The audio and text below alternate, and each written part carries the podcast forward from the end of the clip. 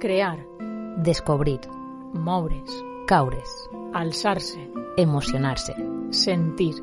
Xafant Basals. Acompanya'ns en este camí que marcarà els seus primers passos. Xafant Basals, el programa de Ràdio LOM on parlem d'educació infantil amb Nati Sobrevela.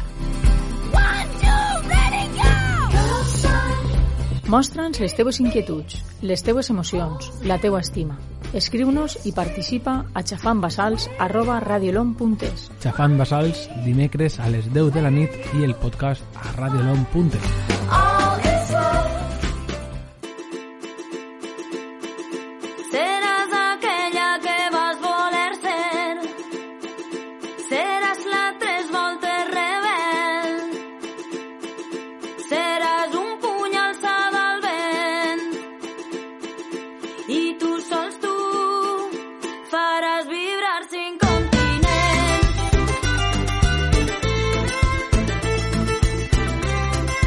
Hola, benvinguts i benvingudes a un programa més de Xafant Basals. Ja sabeu, un espai de conversa que ens donarà pas des de l'experiència i les sensacions a compartir i reflexionar sobre alguns temes relacionats amb l'educació infantil. Agrair, com sempre, la vostra escolta i participació i en ganes de contar-vos de què parlarem, com sempre avui, al nostre programa. Pues en aquesta ocasió hem de dir que no és la primera vegada que ho fem, i és que parlar de coeducació a l'escola és necessari. I és necessari també per poder eh, vigilar l'anomenada falsa il·lusió d'igualtat, no? que és aquesta percepció de, de que el repte i la lluita cap a la igualtat de gènere ja està superat. És cert que hi ha hagut moltes millores, però encara tenim molta feina per davant. I per això parlarem avui amb Lídia Sellers, eh, a qui me va ser molt difícil fer una breu història per tal de, de presentar-la, perquè tota ella és única, potent i, com sempre dic, una encantadora de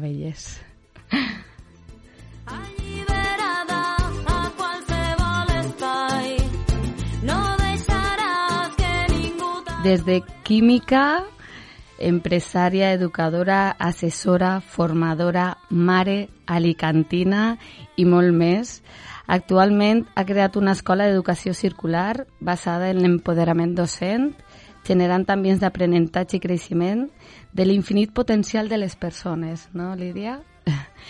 I, I des de fa un any i en paral·lel codirectora de l'Agència d'Igualtat Minerva. Hola, Lídia. Hola, hola Nati. Bueno, muchas gracias y por esa presentación tan cariñosa. Bueno, gracias. la podríem fer molt més llarga, Ja. ens faltaria programa.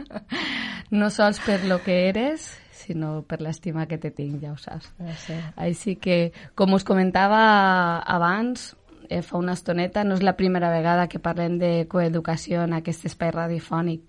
I és que aplicar l'educació en perspectiva de gènere des de menuts és vital, no? Perquè els primers anys de vida és quan s'aprèn pràcticament tot, no? Sí, efectivamente. En los primeros años de vida eh, hay una ventana, ¿no? Yo suelo hablar un poco desde, desde una manera metafórica, ¿no? La educación infantil es, es pura metáfora y debe ser así, porque la educación infantil es el I más D de la especie humana, es donde realmente podemos eh, conseguir transformaciones en una socialización y en un aumento de, de la- del proceso civilizatorio de la especie humana. Es, es algo muy grandilocuente porque es así. Hay momentos en los que hay ventanas neuronales donde la- el individuo puede resetear, ¿no? Hemos hablado, llevamos hablando últimamente de la plasticidad cerebral y, que es a lo largo de toda la vida, ¿no? Yo, como bien has dicho, estudié esa cosa tan especial eh, que es la química y la bioquímica. Y ahí recuerdo que en la carrera a mí me dijeron mm, un dogma y era que tú nacías con las neuronas que nacías. Y no había más.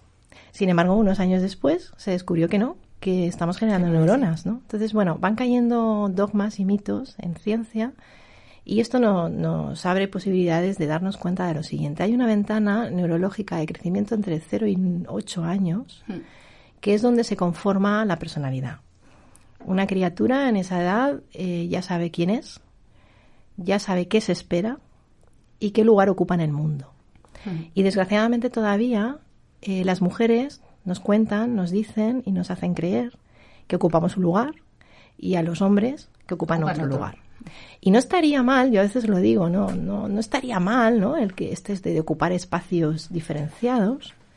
El grave problema es que esos espacios están jerarquizados. Hay una jerarquía. Y todavía tenemos sociedades en las cuales los espacios de los hombres están por encima de los espacios de las mujeres. Todavía los hombres están situados en los espacios de producción y las mujeres en los espacios de cuidados y reproducción que jerárquicamente están por debajo. Hay que poner en estas sociedades democráticas, tenemos la gran oportunidad de poner la vida en el centro de todo. Y ahí es donde tenemos que trabajar. I, I quan hablamos de... Quan parlem de coeducació, no? de què estem parlant? No? Quin, quina definició podríem dir per a que la gent... Sí. No sé, últimament sí que és una paraula molt coneguda per a tots, però podríem definir... A què referim quan parlem de coeducació? Sí, eh, las definiciones son necesarias, ¿no? Necesitamos conceptualizar, tener claro los conceptos. La coeducación, yo suelo resumirla de una manera simple diciendo que es la pedagogía de la igualdad. En el ámbito educativo, cuando trabajamos la igualdad, hablamos de coeducar. Lo que tenemos que tener muy claro en este momento, que es que eh, la escuela no es coeducativa. Todavía no tenemos una escuela coeducativa. En este momento lo que estamos haciendo es asentando, yo lo llamo así, asentando las bases de una futura escuela coeducativa. Mira, Nati, ni tú, ni yo, ni ninguna generación ha estudiado dentro del sistema educativo en una escuela coeducativa. Todavía no hay una generación que és, se és haya... algo cultural, no? Claro. Crec no, que... no lo tenemos. Tenemos una escuela mixta, para que la gente entienda, eh, y no hace tanto en este país, que se estableció que chicos y chicas fueran juntos a la escuela. No hace mucho los chicos y las chicas estaban separados. Esto Sí, sí. mucha gente aún sí, lo recuerda. hemos conocido. De hecho, yo, que soy de la generación de la EGB, Todavía quedan centros de solo chicos. ¿eh? ya sabemos que es línea religiosa y que, bueno, de alguna manera, entre comillas, están incumpliendo la ley educativa. Pero aún así están subvencionados. Es un tema polémico que, si quieres, hacemos otro programa. para otro. Pero es verdad que cuando mi experiencia personal, yo en la EGB, la famosa EGB de aquella época, pues yo iba con chicos y chicas. Cuando voy al instituto, que antes, como sabes, era a los 14 años y era voluntario, me encuentro con chicos y chicas, pero resulta que las chicas me cuentan experiencias de que habían ido solo a colegios con chicas, ¿no? Y esto recuerdo que para mí fue como, bueno, qué, qué, qué extraño, ¿no? ¿Y por qué, no? Eh, Pues lo primero es por qué. ¿Qué, qué bueno, sentido tiene esta separación? Colegios religiosos, ya sabemos, los de monjas, de curas, todo aquello, ¿no? Bien, esto ha ido cambiando y ahora ya pues tenemos eh, una escuela mixta. Pero eso no significa que sea coeducativa. La escuela mixta todavía está reproduciendo los estereotipos de género y todavía es sexista. ¿eh? Todavía coloca a los hombres y a las mujeres en lugares diferenciados. Todavía en educación infantil eh, faltan muchos estudios mm, al respecto. Se hicieron estudios en los años 80, cuando en este país eh, empezamos con la democracia, empezamos a andar con, con un sistema democrático, se creó el Instituto de la Mujer. Carlota Bustelo, hay que decirlo, fue la, la primera directora del Instituto de la Mujer y empezó a fomentar estudios de género, estudios de decir dónde están las mujeres, dónde están los hombres y a nivel educativo se empezaron a hacer estudios al respecto. Y hay libros de Marina Subirat de investigación donde se hablaba del rosa y el azul en la escuela. No se han retomado este tipo de estudios. Yo ahora estoy eh, en una línea de intentar eh, que volvamos a poner en la mesa estudios educativos de género para ver cómo todavía la escuela reproduce eh, los modelos sexistas. Y añado, si quieres entramos ahí, recordemos, porque esto es algo que, que es curioso, todo el mundo lo sabe, pero nadie lo pone en la mesa a debatir, eh, el magisterio es una profesión absolutamente feminizada. Si hablamos del magisterio de educación Siempre. infantil. Educación infantil estamos en el 97,5%, en primaria estamos en el 82% las mujeres y para que nos hagamos una idea, en todo el sistema educativo español las mujeres están en más del 70%, en todo el sistema educativo. Educación infantil está absolutamente feminizada.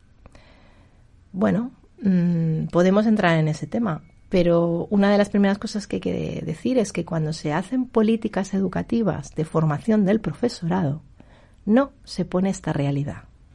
No es lo mismo coeducar cuando eres mujer que cuando eres hombre, porque como has sido socializada o socializado de una manera un diferenciada, rol, ¿no? con unos roles, tú como profesional, lo primero que tienes que hacer es mirarte tu grado de machismo, mirarte tus patrones Sí, aprendidos. por eso yo creo que sí, que hay una intención, no? De, ha una intenció de, de sí coeducar i, i ho tenim molt present, però també tenim una cultura, no? Se'ns ha educat d'una altra manera. Entonces, ja no és que la gent o les mestres ho fem de manera voluntària, sinó que voluntàriament està molt instaurat en nosaltres, no? I costa molt llevar... Claro. Y luego, la, también recordemos, y esto, pues bueno, ya sabes que yo soy una persona que, que soy siempre des- estoy siempre desde el cuestionamiento, pero bueno, creo que, que es sano. En la formación inicial, en magisterio, la coeducación no está. Sí que es verdad que hay una voluntad de que esté, pero de momento hay que decir que no está. Tú acabas tu carrera de magisterio y no has estudiado eh, coeducación, con lo cual no puedes llevar a tu práctica docente la coeducación. Esto, como tú bien dices, es un poco un tema de- a veces de, de- de- de algo voluntario, ¿no? Y, y como bien dices, las personas no somos impermeables a sociedades machistas, con lo cual profesionalmente primero tenemos que hacer una revisión. Por eso a mí me gusta hablar de ese empoderamiento docente. Voy a mirarme yo primero y voy a observar mi práctica docente y voy a ver qué puedo mejorar y qué tengo que cambiar, porque seguro que hay cosas que cambiar. Sí, és molt important, no? Fer, fer una retrospecció de cadascú i de veure... Quan a fin de... Jo crec que també al final cal, caldria generalitzar, no? Coeducació és educació. Vull dir, per què separem, no? Perquè ja hauria d'estar clavat, no, no tindria que haver... Bueno, com hem dit, sí que hem tingut un passat i hem de recuperar, però clar, és que de vegades inclús te pareix... Jo a la meva filla avui li estava comentant el programa de que anàvem a, a gravar i, i sobre què anava i ella se quedava així com que n'hi ha diferències, no? O, ah, n'hi ha diferències, no? Encara sorprenen quan són xicotets. I començar en edats com el 0-3, no? Lídia, tu has, tu has començat dient, sí, hem de començar per nosaltres, les docents. Sí, crec que és un treball que primer hem de fer nosaltres, perquè sí, està clar que hem de començar des de les primeres edats, no? Sí. És, un, és una base, com És dit al fonamental. principi, fonamental. Fonamental. I damunt és que ahí trobes que eh, ells no tenen diferències, no? Ells ja no... Ells veuen que tots som diferents. Jo no he observat cap eh, problema en els meus xiquets i xiquetes o cap conflicte de ai, que té este, que tinc jo, que... No, saben que cadascú és diferent, ell és rubio, ell és més alt, l'altre és més baixet, i ells no marquen diferències. Al final som els adults, la societat, les famílies, tots els que anem marcant aquestes diferències que lamentablement... Sí, eso es. La socialización diferenciada. Todavía tenemos una socialización diferenciada en las escuelas. Pero quiero abrir más el, el marco de lo que acabas de plantear, ¿vale? Para que tengamos la foto completa. Sí. La foto completa es la siguiente. Primero, la educación infantil es una etapa educativa con identidad propia. Esto lo dice la ley. ¿Qué significa eso? La escuela infantil, donde tú estás coordinando, la escuela infantil es un espacio eh, único, especial, con unas características especiales, donde esas criaturas de 0 a 3 y sus familias entran a ese espacio. La educación infantil debería de ser así en todo el territorio español, por ley. Es decir, yo reivindico espacios educativos, centros educativos 06. Porque ¿qué está ocurriendo? Es verdad que en el 03, eh, las escuelas infantiles 03 se trabaja muy bien esto de la coeducación y podemos tener un espacio muy bueno, pero ahora, por ejemplo, sabemos que hay centros escolares de primaria, yo los quiero llamar de primaria, porque se llaman de infantil y primaria. ¿eh? Pero aquí quiero poner la primera nota discordante. Eran centros de primaria que se reconvirtieron en infantil. ¿eh? Y si recordamos aquellas épocas de intentar meter con calzador la etapa de infantil 3-6, pues en algunos espacios fue mm, realmente Bueno, complicado en y doloroso. 2-3, no? En Claro. Cuando ahora entra dos años a los centros de primaria, esas criaturas que eh, entran a un centro donde ya hay un- unos estereotipos y donde sí que ya empieza a, a haber ahí pues esas diferencias, esas diferencias, ahí perdemos una gran oportunidad. Porque esto lo comentan muchas familias. No, es que yo mientras estaba en la escuela infantil, la verdad es que no quería diferencias, pero es que ahora he llegado al cole y mi crío, mi cría tiene no sé, tres, cuatro años y ya estamos con los príncipes y las Mm, princesas. Sí. I a més dona la casualitat que pareix com a que infantil està molt present, no?, el coeducar, però després quan passen a la primària el currículum pesa molt més que, que, Efectivamente. que el que tenen que treballar, no? El, Y como decíamos antes, hay una ventana neurológica que estamos, no estamos obviando, que es el 08. El 08, yo además siempre reivindicaré primero y segundo de primaria como una etapa todavía de mucho cuidado de la infancia. ¿eh? Eh, y ya en- con seis años, que ya voy- soy mayor, ya voy al colegio de los mayores, ahí también estamos perdiendo una oportunidad de alargar un poco ese espacio todavía de aprendizaje desde la infancia. Pero bueno, mm, diciendo también un poco, aparte de la reivindicación de los espacios y, y esos espacios que tienen que ser infantiles, es muy importante en el 03 el trabajo que desde la educación infantil hacemos con las familias. Porque ahí las familias, como tú bien sabes, están tremendamente sensibilizadas. Cualquier cosa que, que tú les propongas, la van a coger y además la van a coger con los brazos abiertos. Es una enorme oportunidad de transformar socialmente eh, ese- esa coeducación a través de las familias. La escuela infantil ejerce una labor importantísima pedagógica con las familias. Y eso Sí, es otra oportunidad que también estamos, eh, vamos a decirlo en positivo, no aprovechando suficientemente. mm, sí. Veniu a la nostra barca les veles altes al cel obert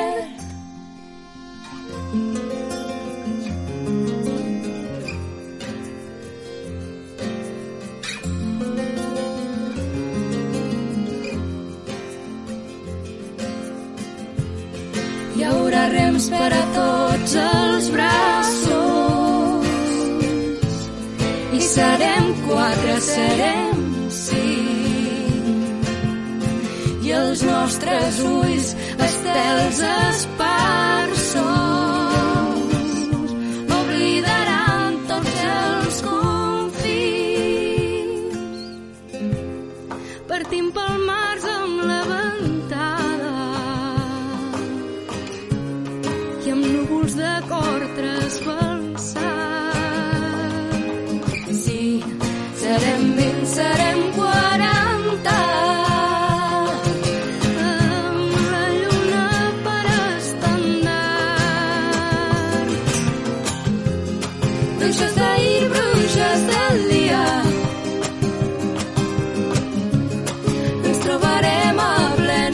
és que eh, les famílies són part important no? dintre d'aquest procés de, de, de treball dintre de les escoles, fora de les escoles, a l'ambient social, van a ser una part molt important, no, Lídia? Sí, Eh, mira, desde la pedagogía eh, solíamos decir que el primer espacio socializatorio de una criatura es su casa, es su entorno familiar. Ahí es donde va a adquirir sus creencias, sus patrones, ¿no? el ambiente cultural ¿no?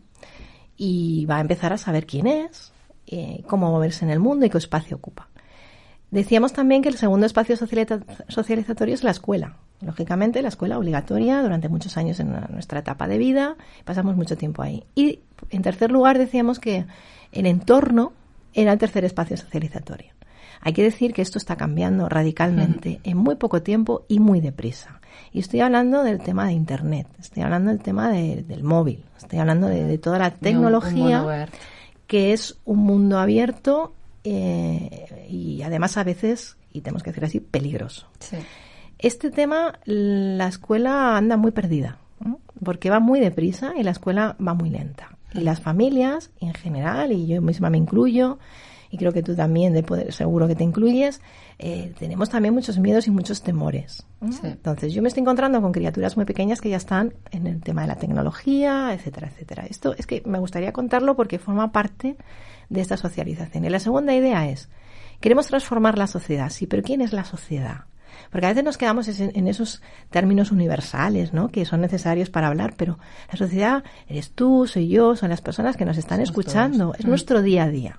Esto es cosa de todos y de todas. Esto es asumir realmente una responsabilidad social de todos y todas, como madres, como padres, como compañeros, compañeras de trabajo. Es decir, tú no coeducas en la escuela o no haces algo muy puntual. Esto lo, lo tienes que integrar en tu Ni día una a día. actividad, ¿no? Como el Eh, día no de la es una actividad. Que efectivamente. y ya está, ¿no? Entonces, con respecto a las familias, ¿qué ocurre? Las familias tienen muchas presiones externas, porque sabemos que hoy en día hemos dado un gran paso atrás. Tú ahora vas a comprar ropa infantil eh, para los críos, y, y me lo cuentan, ¿no? Yo no voy todavía a esos espacios, pero te dicen, no, es que no, no puedo elegir algo, digamos, neutro.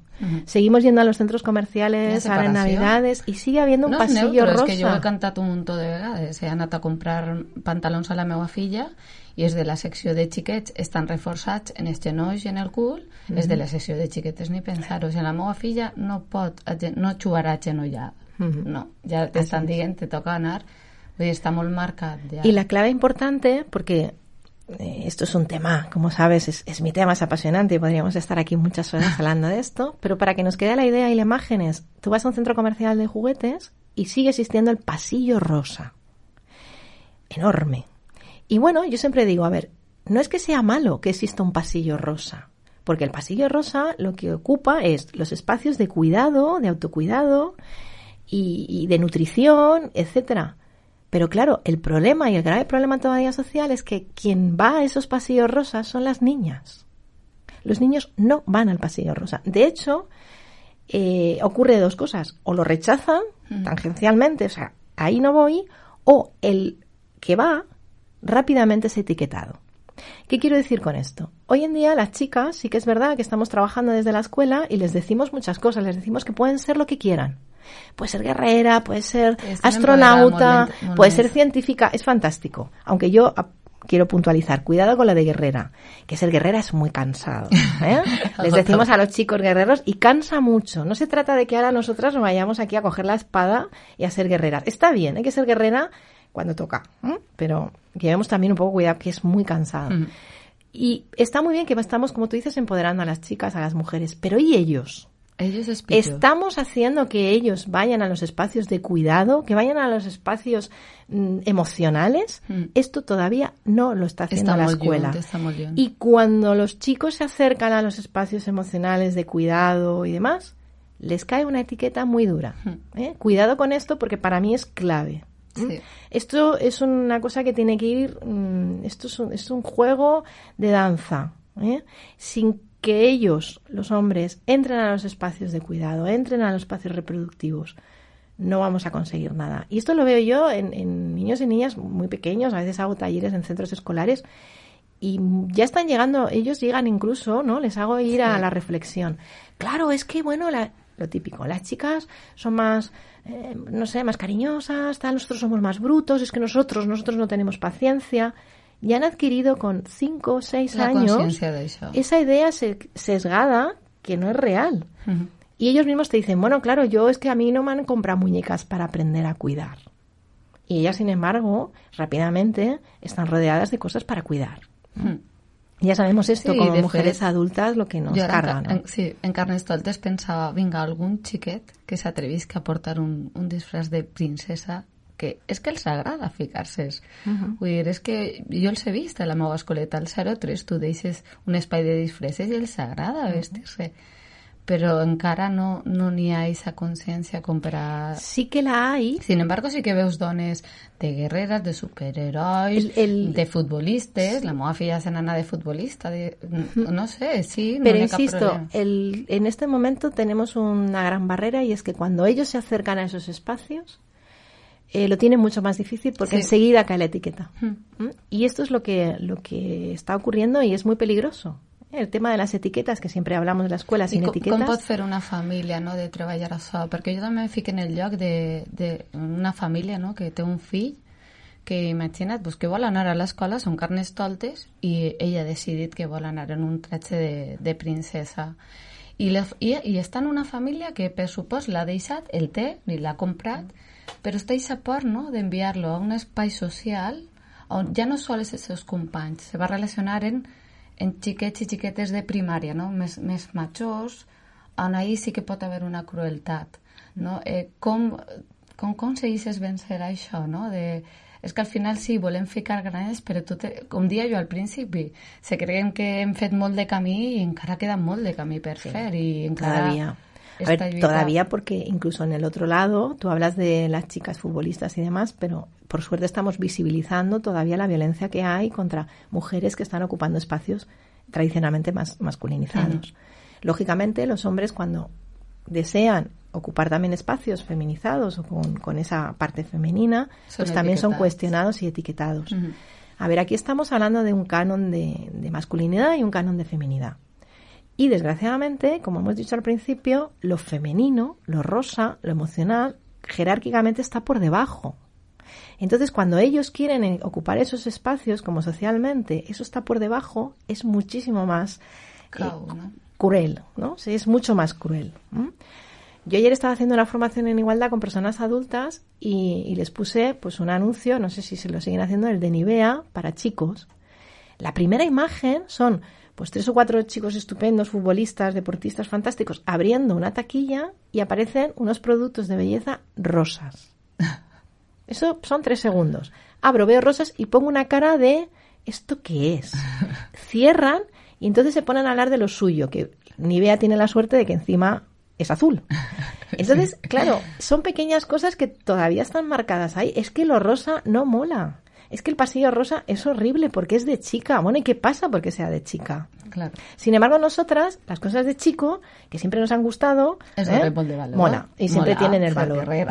cambiar estos valores es un tema social, mm. es un tema generacional, es un tema que va a costar mucho, pero desde luego tenemos que empezar y tenemos que ponernos firmes. Cuando un chico entra en los espacios de cuidados, la escuela tiene que aprovechar esos momentos para debatir.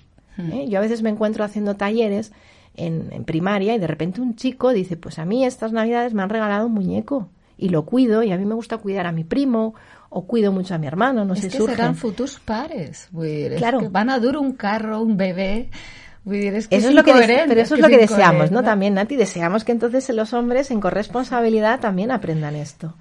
Es una transformación social muy importante es generacional, llevamos muchos años trabajando estas ideas y además, por suerte, vivimos en un país democrático donde nuestra Constitución habla de estos valores y de estos principios constitucionales, que dice, y lo podemos leer todos, la igualdad es uno de ellos, la justicia y la libertad, la igualdad también. Pero cuando tratas los temas de igualdad eh, molesta mucho. ¿eh? A la gente le encanta hablar de la paz, de la justicia, de la libertad. Cuando hablas de la igualdad, todavía estamos en sociedades que molestan. Mm. Como tú sabes que yo a mí me encanta mucho molestar, pues creo que estoy en un ámbito ahora de desarrollo, trabajo y provocar. Nos queda mucho recorrido, pero sí es verdad que legislativamente estamos haciendo cosas importantes. Es muy importante porque sabemos también que enfrente tenemos argumentos y discursos contrarios y ahora muy muy fuertes, ¿eh? Mm. muy, muy fuertes, voy a decirlo así, no voy a entrar más. Entonces necesitamos que esté en la legislación. Por eso en la Comunidad Valenciana tenemos el plan de coeducación, un plan director de coeducación. Todavía no tenemos un sistema integral de trabajar la coeducación. Yo espero que se haga y se desarrolle como otras comunidades autónomas, porque como muy bien tu hija hoy ha dicho de qué diferencia, ¿no? esto de que no entiendo, la educación tiene que ser coeducativa. Hmm. Es decir, no es, no es que yo hago coeducación. Exacto. ¿eh? Como tú decías, no. No es que faci una actividad, un talleret sobre educación. Tiene que ser coeducativa. Que instaurada. Entonces todavía la tenemos que nombrar, la tenemos que conceptualizar, ¿no? Porque la igualdad tiene que estar, igual que está la justicia, igual que está que la libertad, ¿no? Entonces la, la, la educación, desde luego, tiene que ser eh, desde, la, desde esa mirada coeducativa y desde ese respeto a la igualdad. Yo quiero también mm, dejar también una otra otra idea más, ¿no? Porque como tenemos siempre poco tiempo, voy abriendo melones. En mi pueblo decimos lo de abrir melones.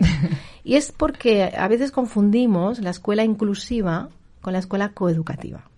Esto eh, es interesante que lo entendamos. Mm. Sí que tenemos ya un desarrollo de muchos años en España de la escuela inclusiva. La inclusión lo que atiende es la diversidad. La diversidad es inherente al ser humano. Todo el mundo es diverso. todo el mundo tiene su diversidad. Y la escuela hace grandes esfuerzos profesionales y de recursos para atender eh, esa diversidad. Y hablamos de escuela inclusiva. Y yo quiero que veamos la diferencia entre lo que supone la escuela coeducativa. La escuela coeducativa es una mirada que ejerce de paraguas eh, sobre la diversidad. Por ejemplo, Voy a poner un caso concreto para explicarlo. Cuando intentamos detectar eh, niños y niñas que tengan altas capacidades, hacemos la mirada de género, nos ponemos esa, esa mirada de género ahí y decimos, ¿cómo puede ser que haya más chicos con altas capacidades y tan pocas chicas? Es un poco extraño, ¿no? ¿Qué pasa? ¿Los chicos son más inteligentes? Entonces, cuando hacemos un estudio más profundo, nos damos cuenta que los test y las, las acciones y, los, los indicadores que tenemos para detectar altas capacidades están sesgados, son andocéntricos, tienen una mirada masculina. Cuando modificamos la técnica de detectar altas capacidades, resulta que ya aparecen chicas. ¿Vale? Y esto ocurre en la diversidad. Y en cualquier espacio, la mirada de la igualdad tiene que ser transversal. La transversalidad es la palabra clave. La igualdad tiene que atravesar todos los espacios de nuestra vida, en nuestro día a día, desde que nos levantamos hasta que nos acostamos. Ahí conseguiremos entre todos y todas transformar la sociedad. Ojalá. Ahí, eh, ahí estem, en, en el camí, camí estem. Pues, pues ha sigut un plaer. No volia acomiadar-me d'aquest... Estaríem així parlant i parlant. Sí, tu sabes que jo, sin problema. I, I jo escoltant embelesada. Com sempre, encantes. I, però no m'agradaria acomiadar-me sense llegir unes frases teues eh, que m'han agradat molt quan he llegit un poc la teua biografia. Entonces, si me permitixes, claro, vaig a dir. Vale. Me puse hace tiempo ya las gafas violeta.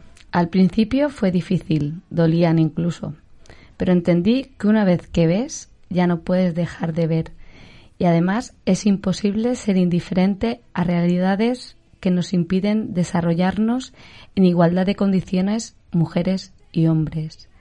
Mil gracias, Lidia. Encantada. Gràcies a ti, Endavant. Muchas en gracias, Nati. Gracias.